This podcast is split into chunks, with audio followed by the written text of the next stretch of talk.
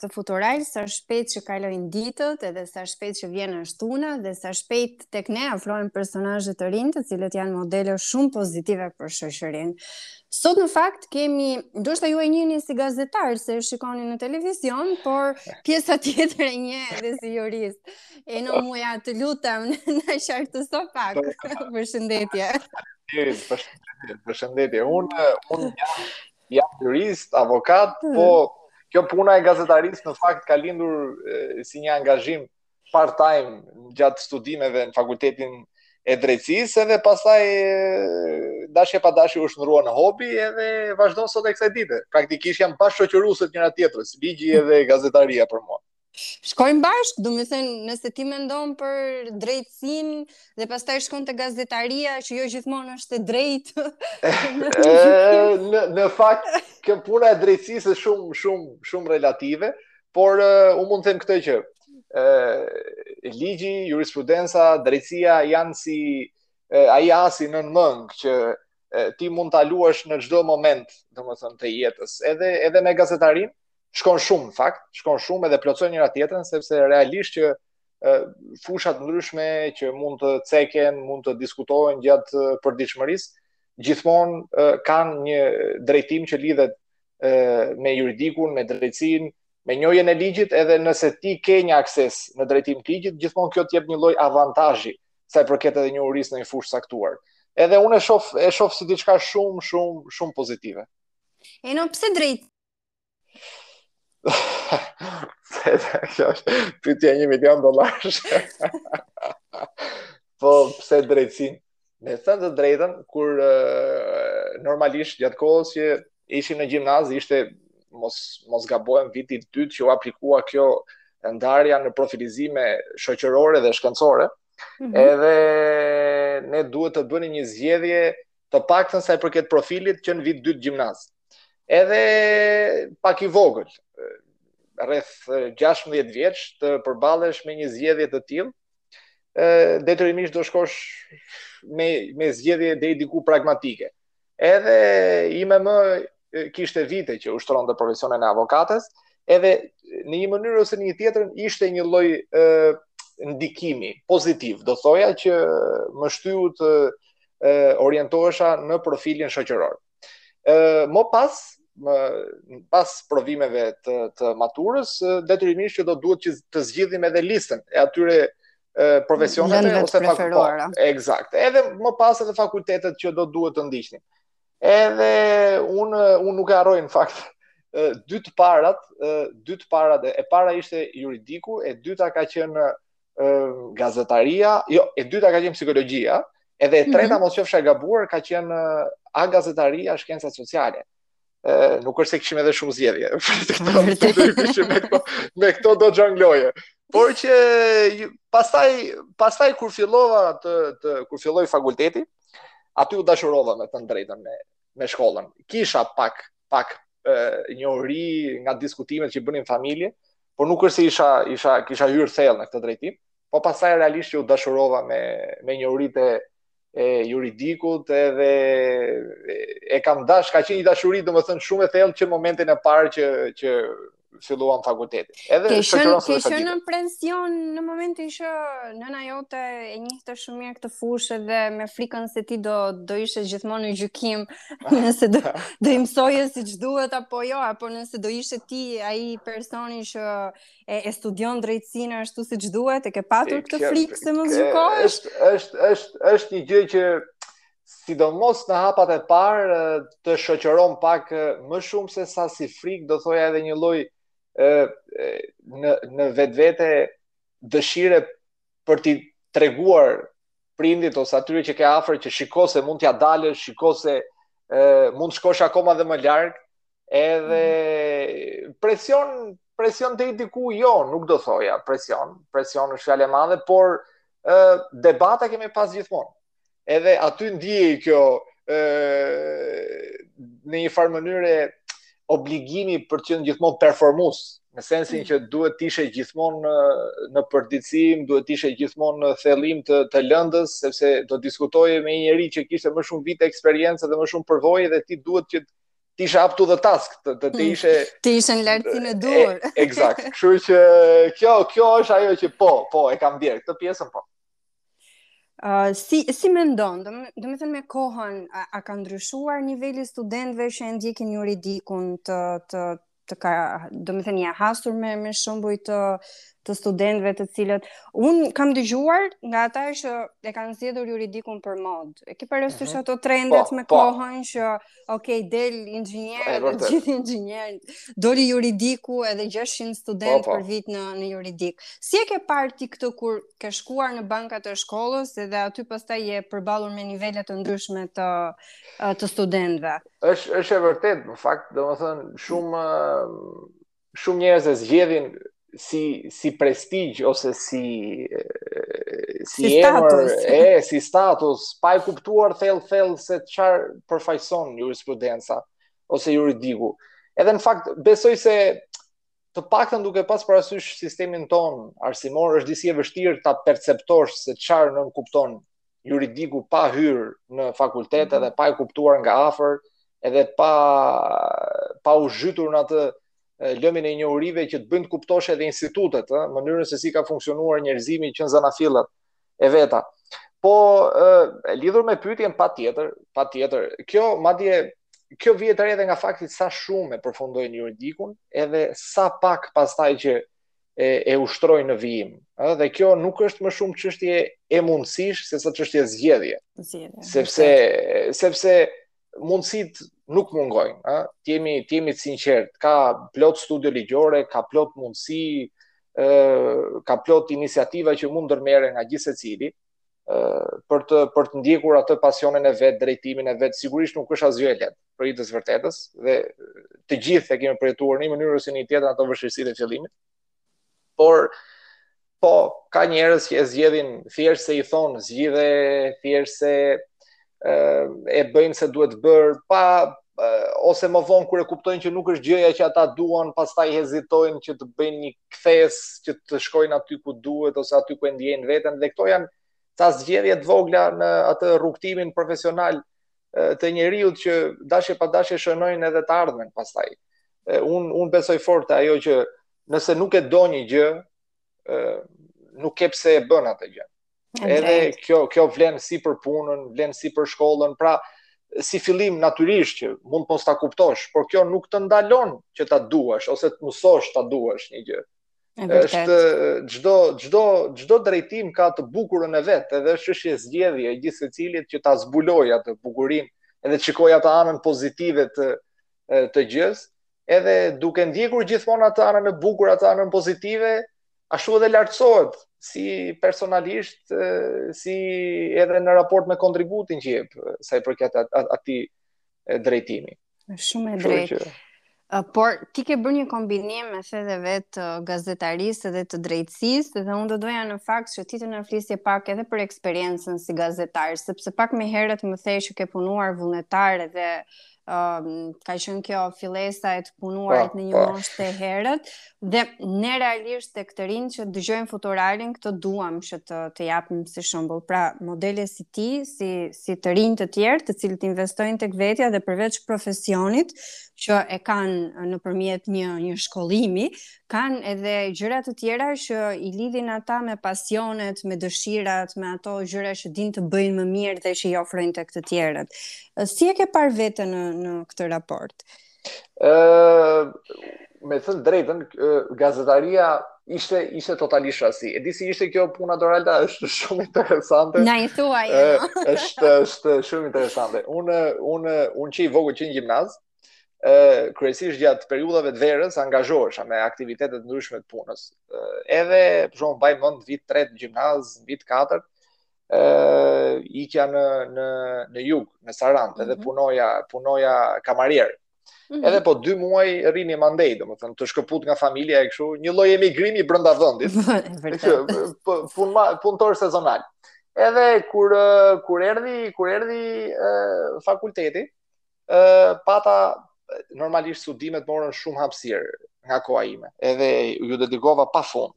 Edhe kjo gjë më pengoi që të angazhohesha me kohë të plotë në një punë. Mm -hmm. Edhe isha në atë përpjekjen për të gjet një balans mes një pune, e cila do më siguronte disa të ardhura për të mbuluar shpenzimet e mia, edhe që të ishte diçka që doja ta bëja me qejf, edhe gjithashtu natyrisht objektivi që ishte studimet asokohe. Edhe si fillim, mbaj mend fillim të fakultetit, punova në një në një call center si shumë të rinj. Punova për rreth rreth 2-3 muaj aty, kryesisht gjatë verës, pastaj prap u shkëputa dhe ishte rasti në një televizion në në Tiranë që të filloja punë si e, jo gazetar më shumë se sa speaker i ca flasheve, kanë qenë ca flashe mm -hmm. 5 minutëshe. Edhe mbaj mend atë eksperiencën e parë, domethënë se ka ka histori shumë shumë simpatike. Edhe kur kam dalë nga transmetimi herën e parë, isha duart e mpira totalisht, edhe e tregoj njëherë kështu si si si barcaletë. Edhe m'u desht të të merrja veten. Dhe kjo pastaj televizioni ka një gjë që është është furtunë aty brenda. Të duket jashtë çdo gjë e kopsitur, kështu po kur je aty brenda realisht është një makineri prodhimi e paparë që të merr me vete, edhe po ta lesh veten humbet aty brenda pastaj.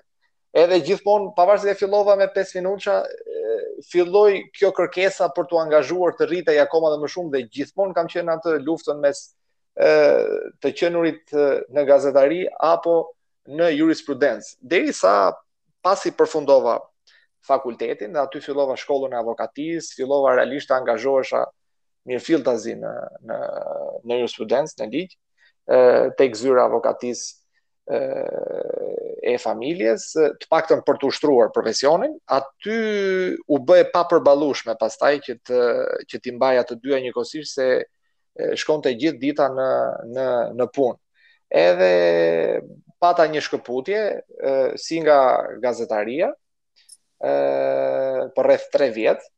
Edhe gjithashtu. E ndjeve mungesën e gazetarisë në momentin që u shkëpute? Si e, në fakt kjo është një pyetje shumë interesante, e cila e, ka të dyja përgjigjet brenda. E para e ndjeva sepse ishte një punë që më kishte shoqëruar që 20 vjeç. Edhe un u shkëputa nga gazetaria, ë punova edhe përkohësisht për rreth 2-3 muaj në radio. Edhe mm -hmm. kisha kur kur kur e lashë gazetarinë, kisha rreth televizionin, kisha rreth 5 vjet e gjysmë 6 vjet që punoja pa ndërprerje. Mhm. Mm edhe shkëputja e menjëhershme më bëri që ta ndjeja një lloj ë diçka e të panatyrshme në këtë drejtim.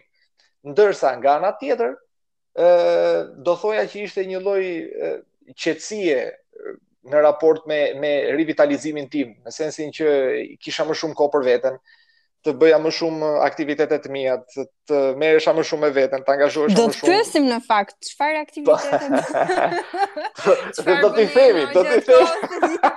Do t'i thuash se do të spiunoj un pastaj. Po patjetër, do t'i themi. Edhe pastaj ja ta përfundoj se shumë e shkurtër, mhm. pastaj u shkëputa edhe nga edhe nga nga zyra familjes, edhe aty bëra një shkëputje 3 vjeçare. edhe ajo sepse duhet që unë të gjeja dëshirën time, orientimin tim, jo jo në prezencën e njerëzve të familjes, sepse dashje mm -hmm. pa mhm. dashje, një lloj ndikimi është është e pa është e paevitueshme.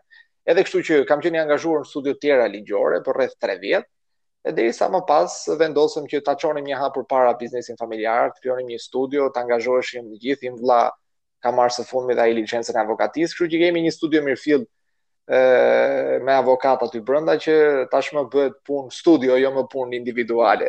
Dhe për këtë je, jam krenar. Dhe çuditërisht, sepse është shumë e çuditshme, çfarëlloj që sapo u riktheva un prap në në këtë biznes familjar, u riktheva dhe në televizion, pra dhe dhe. Kjo tregon që ti nuk funksionon dot pa njëra-tjetrën, e ke kot këtë e çuditshme, e çuditshme. Është e çuditshme po e vërtetë. Duhet të mësohesh të ecësh paralelisht. Po, po. Ino, ke patur momente të vështira gjatë punës, gjatë karrierës tënde, profesionit, ku ku ke patur nevojë që qoftë dikush të të jap një dorë dhe të të ringrihesh përsëri me me një mesazh, me me një veprim apo gjithçka tjetër që e ndihmon një të ri që të ecë përpara. Ë normalisht ë në në në pjesën e e ligjit në pjesën e avokatisë kjo, kjo është një gjë që të duhet në përditshmëri. Është një gjë që ti ke nevojë të përplasësh mendime, të diskutosh, të të kesh një zë kritik, të kesh një mendim ndryshe sepse aty e kupton realisht rëndësinë e punës në në ekip. Ë uh, sa i përket uh, momenteve momenteve kritike, do thoya që ë uh, moment uh, moment disi disi që mund të ketë shënuar të paktën aspektin tim profesional, ka qenë ai momenti që u u detyrova të bëja një vendimmarrje se cili do ishte drejtimi im që do merrja në jetë, pra nuk mund t'i mbaja dot të dyja aso kohë. edhe televizionin, edhe edhe avokatinë. Edhe ajo ishte një gjë që realisht më ë më ezauroi nga pikëpamja e, e energjisë e, e, e aspektit psikologjik sepse televizioni pavarësisht se unë kisha qenë i angazhuar part time ishte investim në vetvete. Unë kisha rreth 6 vjet që isha aty dhe nuk është e lehtë të lësh diçka që ti je rritur aty. Edhe kështu që kjo ishte një gjë që unë kisha kohë që e bluaja në fakt, por u poqën kushtet, edhe erdhën rrethanat e tilla që u bë zgjedhja zgjedhja e duhur. Ino, po momenti më më fani gjatë transmetimit live A, po, patjetër, ato nuk e ke, ato nuk mungojnë, Doralda, ato janë, ato janë të, të kështë të pajtë të A do ndash me ne ndonjë moment tjetër, Patjetër, ka qenë një herë, bënim një lidhje të drejtpërdrejtë, dhe thonim titujt kryesorë, që do ndiqnim në edicionin mhm. qendror të lajmeve, te ora shtatë. Dhe kjo lidhja bëhej rreth 10 minuta para se të fillonte edicioni, Edhe djemtë e transmetimit, kur, kur bëmë këtë lidhjen, kishin harruar audio në studio, audio në studio të një, të një filmi komedi. Edhe ishte mhm. një skenë që unë atë moment nuk e harroj kurrë, edhe unë po jepja një lajm, ishte kronikë e zezë, Edhe ndërkohë ishte një ajo skena që po shfaqej filmi dhe që këta kishin lënë me audio në studio që ne dëgjonim, ai përsëriste, ai aktori kryesor aty, Edhe unë isha bashkë me kolegen se e prezantonim të dy dhe mua më kap e qeshura dhe ajo më shikon kështu live, më thotë çfarë ke ti qesh. Tash në fakt do pyesin vetë tash pse po qesh, po ju sugjeroj të shikoni këtë filmin.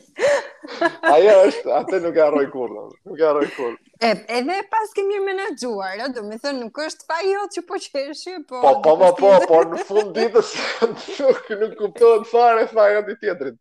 Aty jam unë pastaj që... e menaxhon situatën. Eno, ça të pëlqen të bësh tjetër, unë e di që ti lexon. Domethënë, po. je ndër të rinjtë që ke qejf të lexosh, ke qejf të udhëtosh, më thuaj pak, cila është um, gjëja që të plotëson më, më tepër gjatë kohës të lirë, ose si e shpenzon ti kohën e lirë? Uh, kohën e lirë përpiqem ta mbush, me aktivitete nga më të ndryshmet, leximi, uh, të shkruarit, kam qejf të shkruaj vjersha se poezi është është fjalë e madhe t'i quash ato që unë bëj poezi, po ato krijimet e mia të vogla që më më ndihmojnë të të shfryj atë ë dellin e momentit artistik. Pastaj edhe edhe udhëtimi është është është ushqim për shpirtin. është realisht ajo pra udhëtimi me leximin do thoja unë që janë komplementare njëra tjetrës, edhe plotësojnë njëra tjetrën. Ëm aktivitetet fizike dhe ato natyrisht që i kam qejf megjithatë ajo që më vjen më shumë keq Doralda, sidomos këto dy vitet e fundit është fakti se dashje pa dashje i kam lënë pak pas dore të gjitha. Nuk mund t'i bësh dot të gjitha njëkohësisht, pra edhe të punosh deri deri pasdite vonë në studio dhe pastaj të shkosh prapë në televizion, të jesh i angazhuar aty për edicionin e darkës, edhe pa e kuptuar vjen ora 1 e natës, edhe ti e shef të nesërmen veten zgjuar për të filluar prapë atë ciklin nga e para. Që, e vërtet. Edhe ajo fundjava pastaj nuk të del kohë as të karikohesh, e jo më të merresh me me me aktivitete të tjera që do të doje t'i bëje po të kishe më shumë kohë. Megjithatë, prap sido që të jetë, përpiqem ta mbush këtë hapësirë. Ë uh, udhëtimet po, udhëtimet janë të mrekullueshme. Ke ndonjë vend të preferuar? Po, do të fokusohesha te Shqipëria në fakt. Po, se... Shqipëri, po atë e kam të preferuar me thënë të drejtën dhe dhe kryesisht në Shqipëri adhuroj veriun. Është është mrekulli e vërtetë. veriu dhe kryesisht zona e Lëpushës, Kelmendit, Selcës, Tamarës, janë për mua është një zonë që sa herë shkoj atje, edhe shkoj, përpiqem të shkoj shpesh, është nuk e di, është është është paqe e vërtetë. është paqe e vërtetë. Ne në fakt këtë duam që të gjithë të rinjtë edhe të gjithë turistët të fokusohen në zona që të krijojnë edhe të japin mundësinë për të qenë në paqe me natyrën veten, edhe sidomos pas periudhës së Covidit që duam apo s'duam ka ndikuar disi në mënyrën se si ne jetojmë. Eno, ne jemi drejt fundit, por unë do doja që shumë shpejt. Shumë shpejt. do doja që ti të, të ndaje me ne një mesazh për të gjithë të rinjtë që dëshirojnë që të bëhen si ti, por uh, ka nevojë për atë shtysën për të ecur përpara dhe ka nevojë për modelet pozitive që ne ne i, i shfaqim pothuajse çdo javë në në podcast me Futuralen. Uh, unë unë do thoja që çdo njeri ka uh, ka rrugën e vet, ka kismetin e vet për të ndjekur. E rëndësishme është që e rëndësishme është që gjithsecili nga ne, gjithsecili nga ne, të mendojë pozitivisht. Pra, vështirësitë në jetë, sakrifica, mundi, janë pjesë e paketës, është pjesë e jetës, nuk është e paevitueshme. Pra nuk mundet që të duam rezultatin pa dashuruar procesin. Edhe unë do thoja që nëse realisht ë duam të bëjmë diçka, duhet që të dashurojmë atë procesin, dhe ai procesi fillon që me zgjimin në mëngjes, që me përditshmërinë tonë, me detajet më të vogla të ditës sonë. Nëse ne mësojmë të biem në dashuri me këto elemente të përditshmërisë tonë, ë pastaj çdo gjë është e mundur. Çdo gjë është e mundur, se kjo na bën të duam procesin edhe rezultati është i paevitueshëm. Nuk ka se si mos të vijë kur kur ti mendon për procesin, dashuron procesin, adhuron atë që bën, ajo që pastaj rezultati është i paevitueshëm. Edhe mendoj se kjo është një gjë që duhet të shoqërojë gjithsecilin, ë duke bërë që mos mendojë negativisht, çdo gjë është e realizueshme për sa kohë duam, për sa kohë besojmë, për sa kohë përkushtohemi te ajo gjë me mish e me shpirt, është e realizueshme, është thjesht çështje kohe, është thjesht çështje kohe. Eno, unë të falenderoj shumë që u bëre pjesë e Futural dhe Faleminderit ty, faleminderit ty për mundësinë. Në fundit që çdo gjë është e realizueshme, unë do doja që ta mbyllim bashkë këtë podcast duke të të falenderuar pafund. Faleminderit ty për mundësinë edhe për këtë hapësirë kaq të veçantë komunikimi që është risi në Shqipëri dhe uroj që të zgjerohet akoma më tej. Normalisht ti je katalizatorja e kësaj lëvizje, unë e vlerësoj shumë edhe është diçka me të vërtetë shumë e veçantë. Shumë e bukur. Falenderoj Eno. Faleminderit edhe ju dëgjues të Futural, herën tjetër të mërkurën me një tjetër personazh po kaq interesant. Dëgjohemi. Pafshim.